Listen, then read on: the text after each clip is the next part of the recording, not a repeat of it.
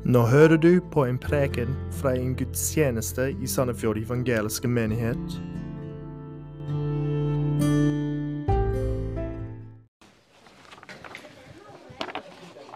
Ja, god dag, alle sammen. Hyggelig å se dere her i dag. Vi, uh, vi har kommet ganske langt gjennom uh, første Petter, hvor vi er i Guds ord. Vi er eh, i kapittel 5, fra vers 5 til 11.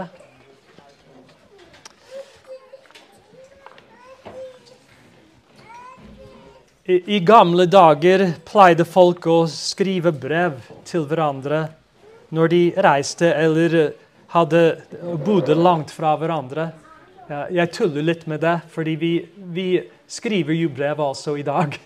Men uh, det var litt mer vanlig å, å skrive brev.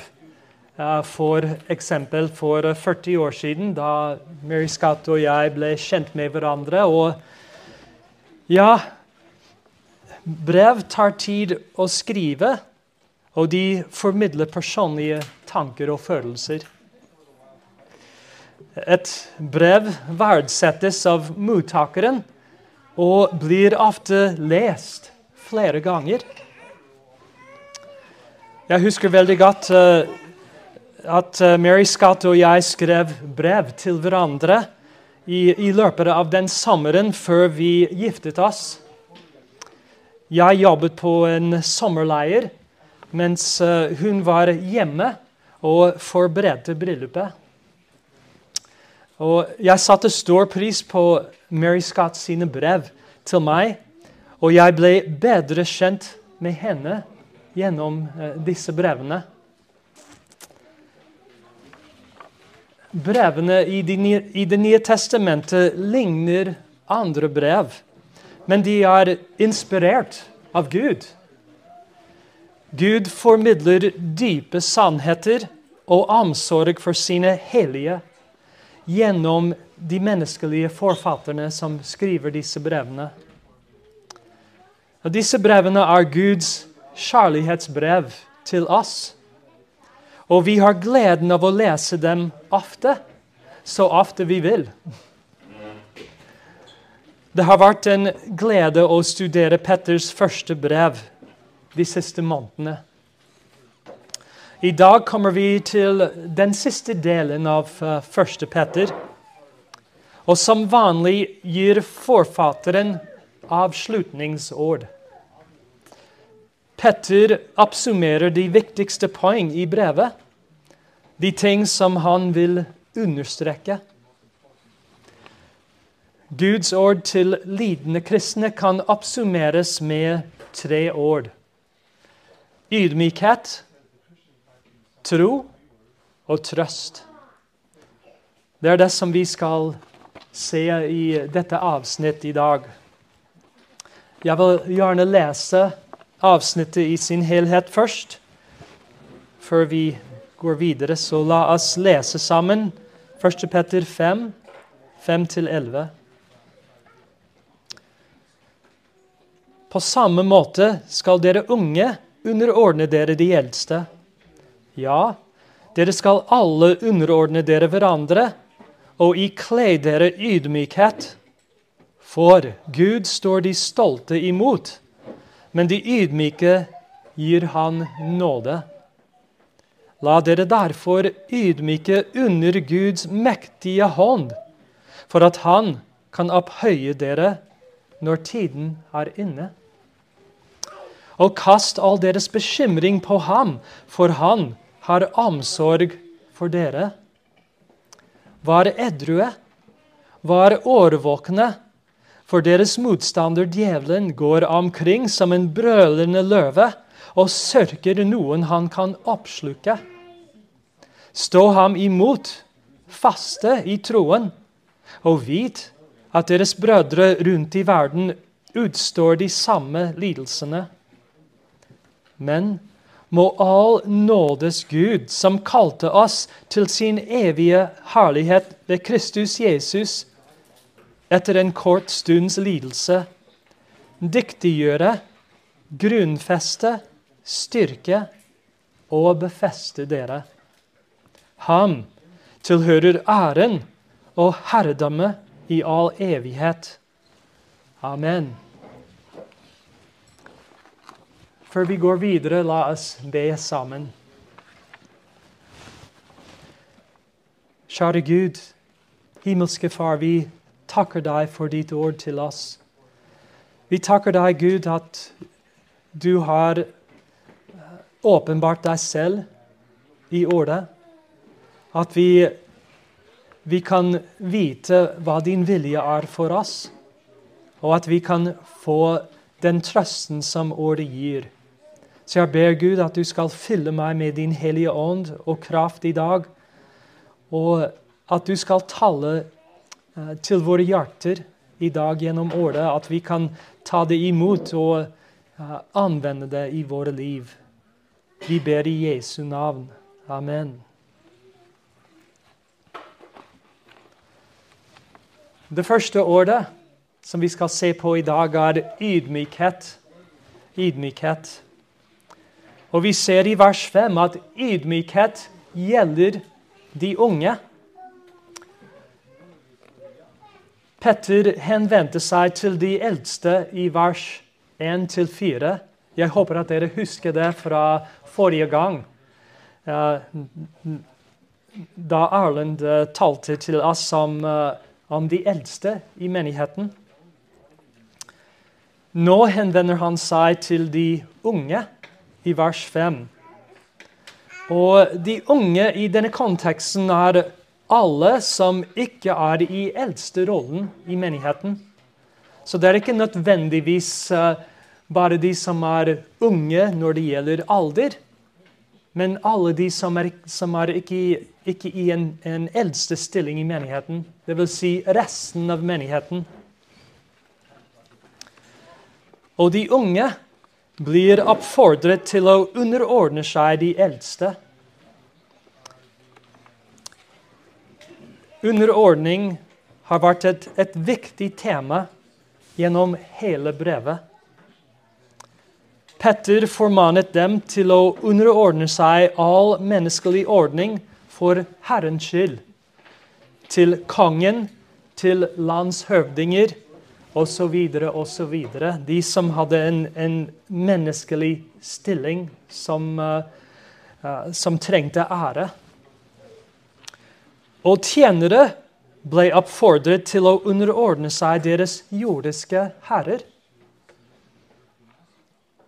Koner ble kalt til å underordne seg sine egne menn. Og nå, i kapittel 5, er det menighetsmedlemmene som skal underordne seg menighetens eldste. Å underordne seg betyr å, å stille seg under myndighet av en annen. Ordet antyder en autoritetsstruktur.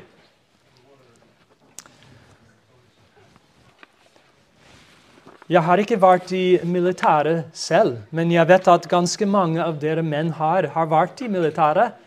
Og dere vet at uh, i militæret underordner folk seg ledere av høyere rang. En person er ikke bedre ja, En person som leder er ikke bedre enn en annen som følger etter. Men de underordner seg for ordens skyld. Å vinne en krig avhenger av disiplin og orden blant troppene. Underordning er helt nødvendig. I militæret må man underordne seg sine ledere. Men menighetsmedlemmene oppfordres her i 1. Petter til å underordne seg sine ledere frivillig. Å underordne seg slik krever ydmykhet.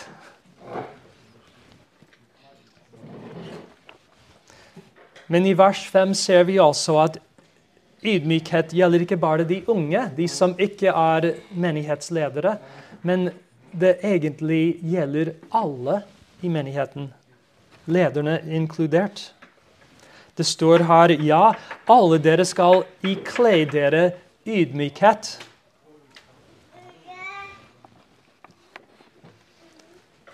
De eldste i vers 1-4 er ikke herskere over flokken, men forbilder for flokken. Det var det som vi lærte forrige gang. De underordner seg Jesus Kristus, som er kalt overhyrden. De eldste skal ikle seg ydmykhet i deres tjeneste for menigheten. Ordet 'ikle', som vi leser her, er et veldig interessant ord. Et uvanlig ord på gresk som bare brukes her i Det nye testamentet. Og ordet skildrer at eh, et forkle som en slave eller tjener kledde seg med i arbeidet sitt.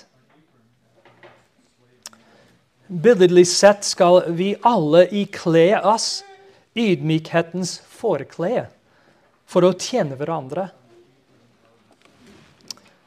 Dette var en lekse som Petter fikk personlig av Jesus Kristus.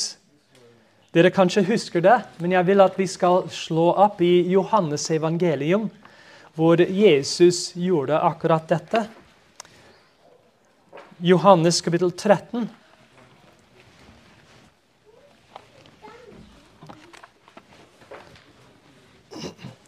La oss lese fra vers 1. Det var før påskehøytiden. Jesus visste nå at timen hans var kommet, da han skulle gå bort fra denne verden til Faderen.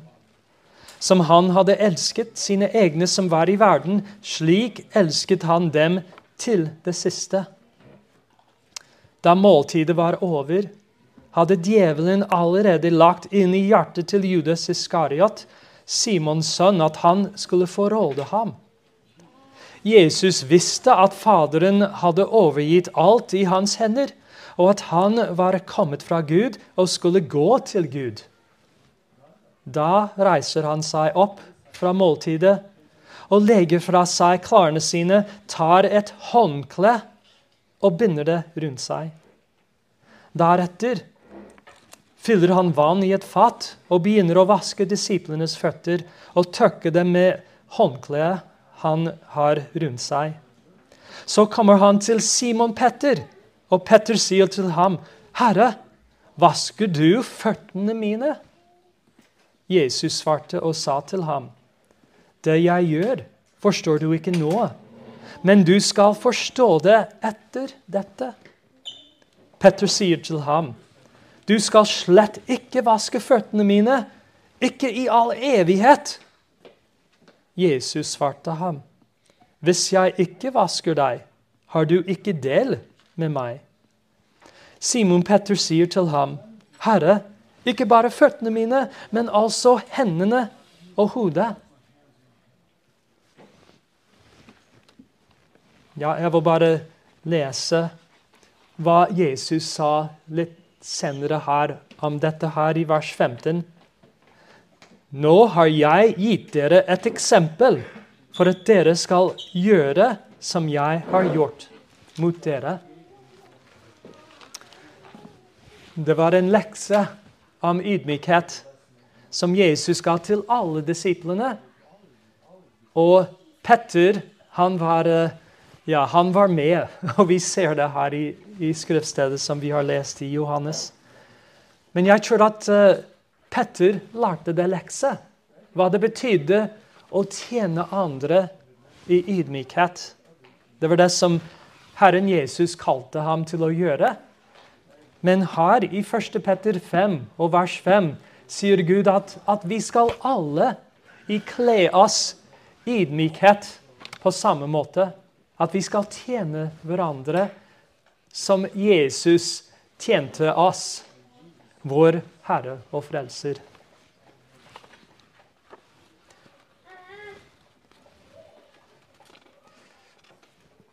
Hvor viktig er ydmykhet i våre liv? Petter uh, gir en indikasjon her av hvor viktig ydmykhet er, ved å sitere Skriften. Og han siterer ordspråkene 3, vers 34. Og han sier Gud står de stolte imot, men de ydmyke gir han nåde. Legg merke til kontrasten her. Ydmykhet står i kontrast til stolthet. Det er skremmende å tenke at Gud står imot meg når jeg er stolt. Ville du fortsette i din stolthet om du visste at Gud sto deg imot? Dette er noe å tenke på. Jeg vet ikke om deg, men jeg vil heller få nåde av Gud.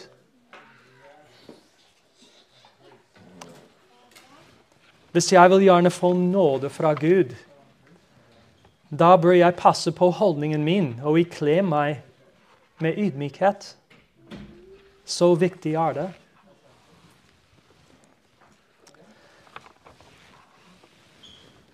Jeg syns det er en veldig god illustrasjon av, av, dette i Det gamle testamentet.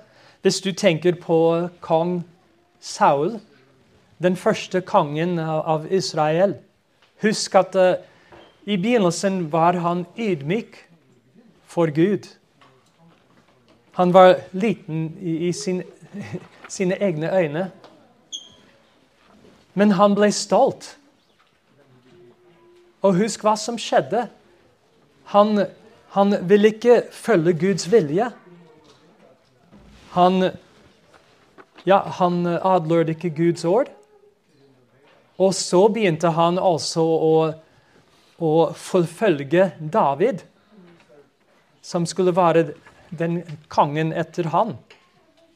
Og i hele den situasjonen, i hele den delen av uh, Saul sitt liv, var, ble han stått imot av Gud.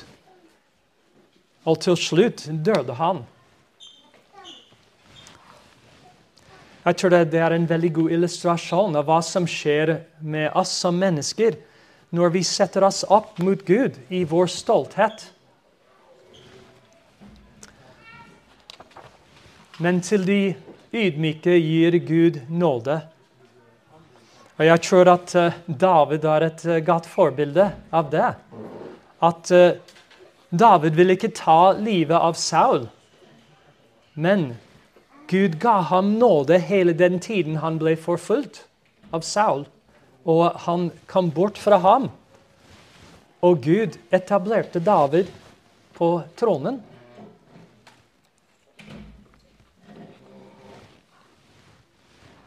Men nå kommer vi tilbake til uh, 1. Petter 5 igjen. Og vi ser at uh, ydmykhet kommer før ære. Det står her i vers 6.: La dere derfor ydmyke under Guds mektige hånd, for at Han kan opphøye dere når tiden er inne. Ydmykhet er egentlig Guds arbeid i våre liv. Det er Guds mektige hånd som er virksom i oss.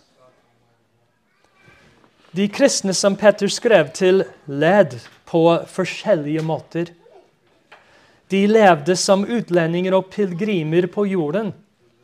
De ble forfulgt, og noen av dem ville kanskje gi sitt liv for Kristus. Men de måtte fortsette i ydmykhet med forståelsen at Gud har full kontroll. De skal la seg ydmyke under Hans mektige hånd. Og det samme gjelder oss i dag. Gud har full kontroll i alle våre livssituasjoner.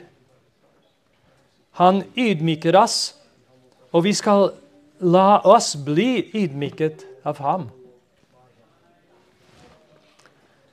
Ydmykhet under Guds mektige hånd kommer med en enorm velsignelse for oss, og det er ære. Det står her La dere derfor ydmyke under Guds mektige hånd, for at Han kan opphøye dere når tiden er inne. Og kanskje du, du vil spørre meg mm, når er tiden inne? Det er litt uh, interessant når vi går gjennom vansker i dette livet og finner ut når, når er det slutt. Når kan vi bli, vi bli opphøyet? Men jeg minner dere at Jesus Kristus er vårt eksempel når det gjelder både ydmykhet og ære. Hvis dere kan slå opp med meg i Filipperbrevet kapittel 2 Dere kanskje vet hva jeg kommer til å si, men jeg skal si det allikevel. Filipperne 2.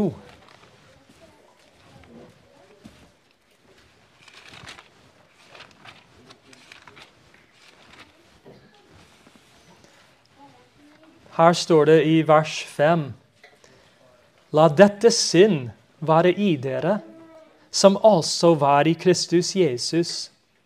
Han som var i Guds skikkelse, holdt det ikke for et tilranet gode å være lik Gud, men han uttømte seg selv, tok på seg en tjeners skikkelse og kom i menneskers likhet. Og da han i sin fremtreden var funnet som et menneske, fornedret han seg selv og ble lydig til døden, ja, til døden på korset. Derfor har altså Gud høyt opphøyet ham og gitt ham navnet som er over ethvert navn, for at i Jesu navn skal, et, skal hvert kne bøye seg, dere som er i den himmelske verden, og dere som er på jorden og dere som er under jorden, og for at hver tunge skal bekjenne at Jesus Kristus er Herre, til Gud Faders ære.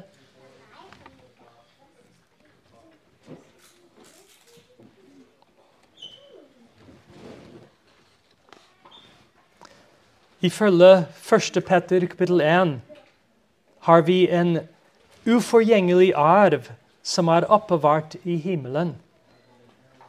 Og vi skal bli opphøyet når Jesus er åpenbart.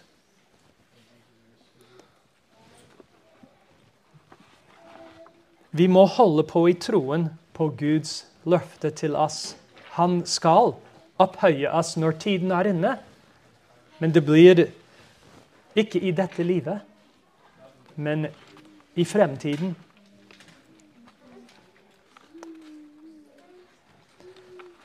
Og Det tar oss til det andre ordet i avsnittet i dag, og det er ordet tro.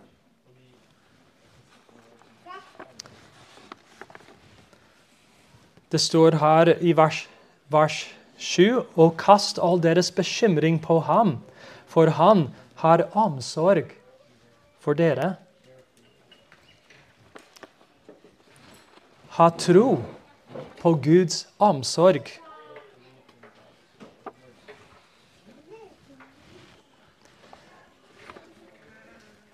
når det står her 'kast all deres bekymring på ham'. Uh, dette er noe grammatisk sett som er gjort mens vi ikler oss ydmykhet. Uh, med andre ord skal vi gjøre det samtidig som vi ikler oss ydmykhet.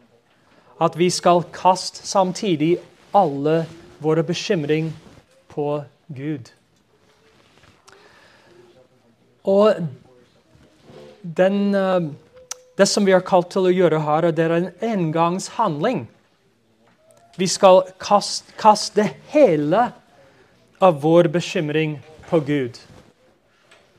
Jeg tror at vi kan finne andre steder i Guds ord hvor, hvor vi har fortalt f.eks. For å, å be bestandig, be uten opphold. Så vi skal legge alle våre bønneemner for Gud på en daglig basis. Men det er ikke akkurat det som, uh, som ordet sies her.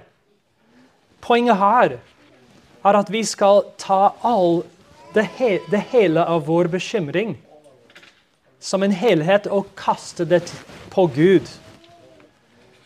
Det handler om uh, et liv i tro, hvor vi stoler på Gud.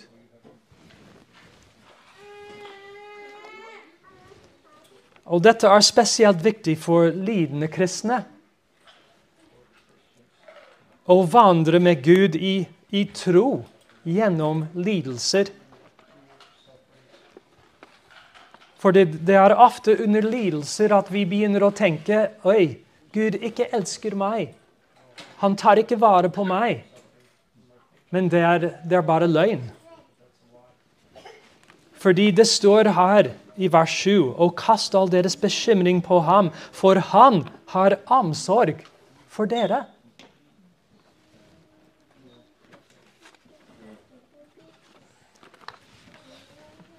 Det litteral betydning av det som står her, er at uh, vår omsorg er Guds sak.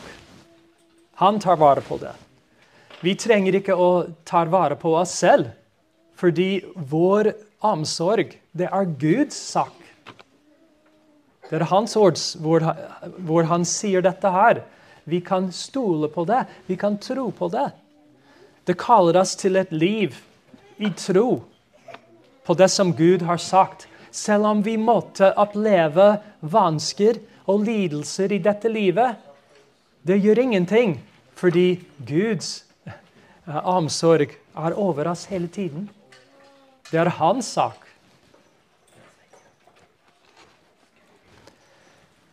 Men så må vi altså sette vår tro i handling. Det er ikke bare eh, en holdning, men vi må sette den troen vi har, i handling. Det står i vers 8.: Vær edrue, vær årvåkne, for deres motstander djevelen går omkring som en brølende løve og søker noen han kan oppsluke.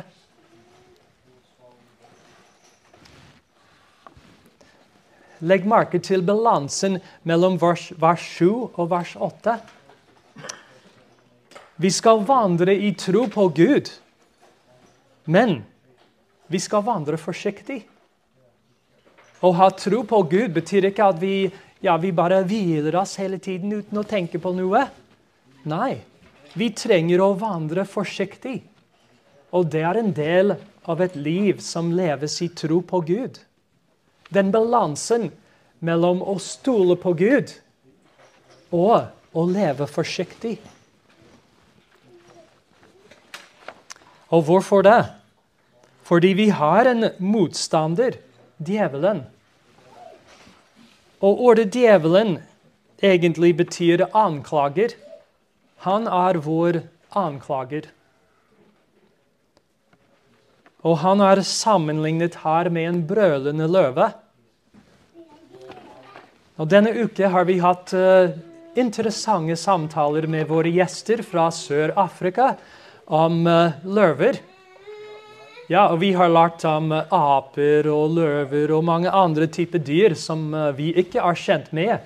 Men ja, det som vi har snakket om om løver, var spesielt interessant for meg i forhold til skriftstedet her. Vi lærte at en løve, når den brøler, det kan høres 16 km bort. Oh, wow! Det er skremmende å høre en, en løve brøle som det. Men vi, vi lærte altså at uh, en løve pleier å, å brøle like før den tar bytte. Så du vet ikke at uh, løven er der. Men han er der. Du må være forsiktig, fordi han kan gripe deg. Og når han gjør det, da brøler han. Og da er det Ja. Da er du borte, da, som menneske.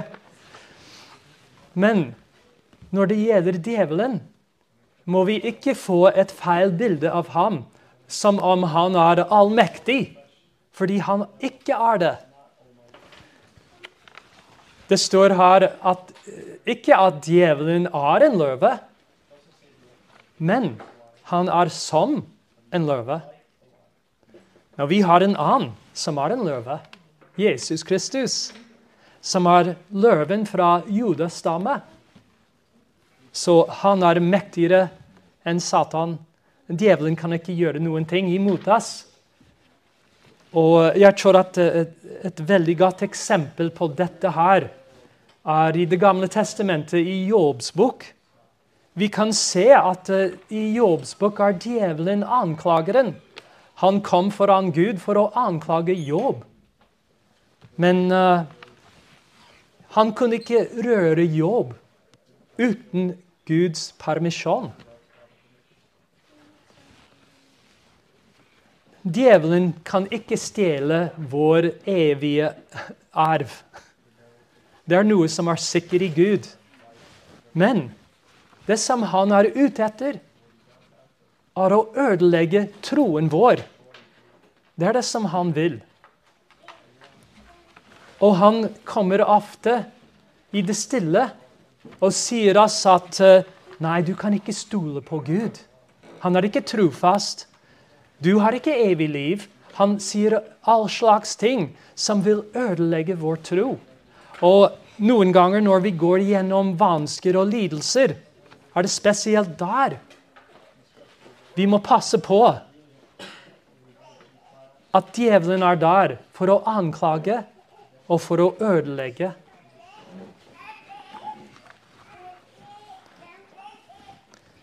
Og Når vi kommer til vers 9, står det her Stå ham imot, faste i troen.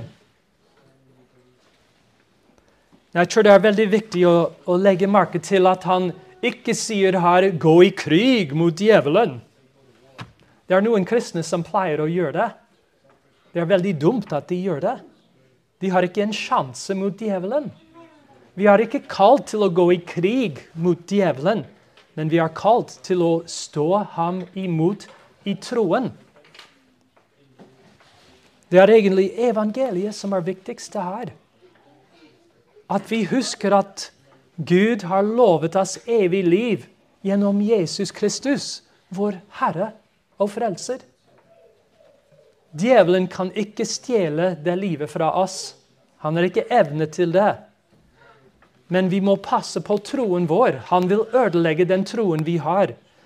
Særlig når vi går gjennom vansker og vi, vi begynner å, tvile om ting. Da er det den sjansen djevelen, djevelen vil gjerne ta og ødelegge vår tro. Men vi må huske at eh, Jesus døde for våre synder på korset. Han utøste sitt eget blod for oss. Han betalte vår gjeld for Gud. Og vi må holde til den troen. Vi må holde fast i den troen inntil Jesus kommer. Det er det som vi er kalt til å gjøre. Å stå imot djevelen på denne måten.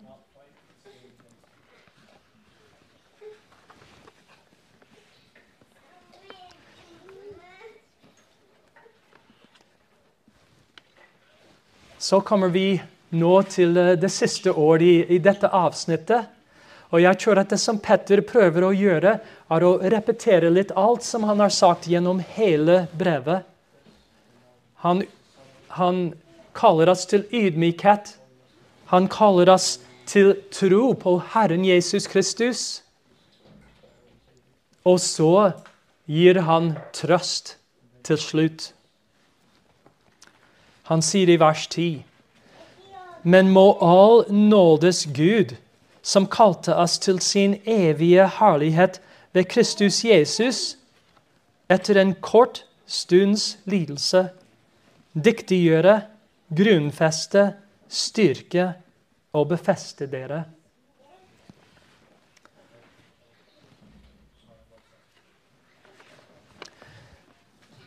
Det er en stor kontrast her mellom lidelse og herlighet.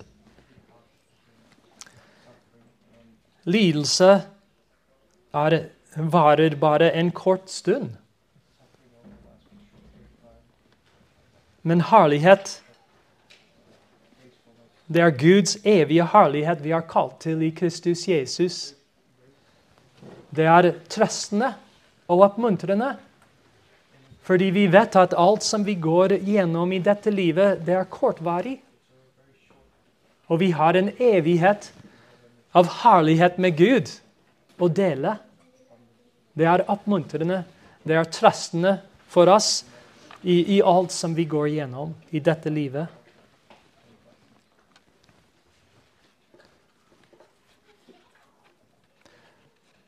Og Gud gir trøst til lidende kristne her i vers 10. All nådes Gud, etter en kort stunds lidelse skal dyktiggjøre, grunnfeste, styrke og befeste dere. Disse ordene som brukes her, er synonymer. De er egentlig det samme fra forskjellige vinkler. Men det betyr egentlig at alt som er feil i dette livet, skal Gud rette. Han, han skal fikse alt som, som er feil i dette livet. Alt som er urettferdig i forhold til våre liv. Alt uh, som vi lider, alt det skal Gud fikse.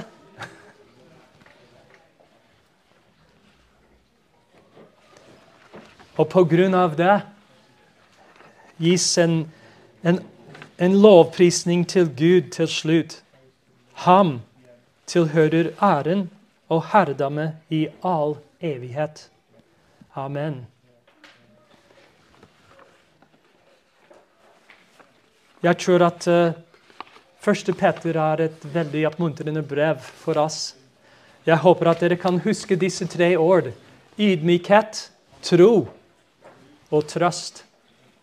Og at Gud skal bruke det i våre liv og leve etter Guds vilje i dag. La oss be sammen. Kjære far, vi takker deg for ordet i dag. Jeg ber Gud at du skal hjelpe oss og ikle oss ydmykhet som vår Herre og Frelser, Jesus Kristus. Hjelp oss, Gud, å vandre i tro i hverdagen. Hjelp oss, Gud, å adlyde deg og ditt ord. Og vi takker deg, Gud, for det håpet som vi har i Jesus Kristus, den trøsten vi har i, i evig liv. Kjære Far, hjelp oss å uh, ha vårt blikk løftet opp til deg. Og at uh, Jesus Kristus blir vårt uh, forbilde. Vi takker deg, Gud. Vi ber alt dette i Jesu navn. Amen.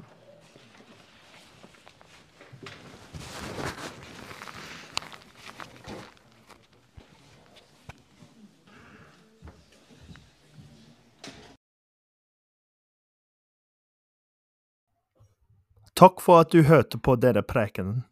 Ønsker du mer informasjon, besøk sandefjordevangeliske.no eller vår Facebook-side Sandefjord evangeliske menighet.